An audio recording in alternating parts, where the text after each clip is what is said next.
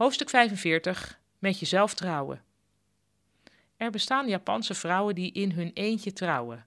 Toen ik hier voor het eerst van hoorde, dacht ik dat het iets heel feministisch was. Iets met ze accepteren me maar zoals ik ben. Ik ben single en daar kies ik voor.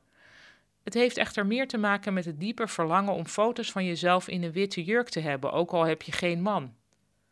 Wat ook voorkomt, vrouwen die hun echte huwelijksceremonie hebben ondergaan in een traditionele Japanse trouwkimono en nu dus zitten met een fotoboek zonder westerse romantiek. Zo'n vrouw doet de fotoshoot in haar eentje even over in een schuimtaartjurk.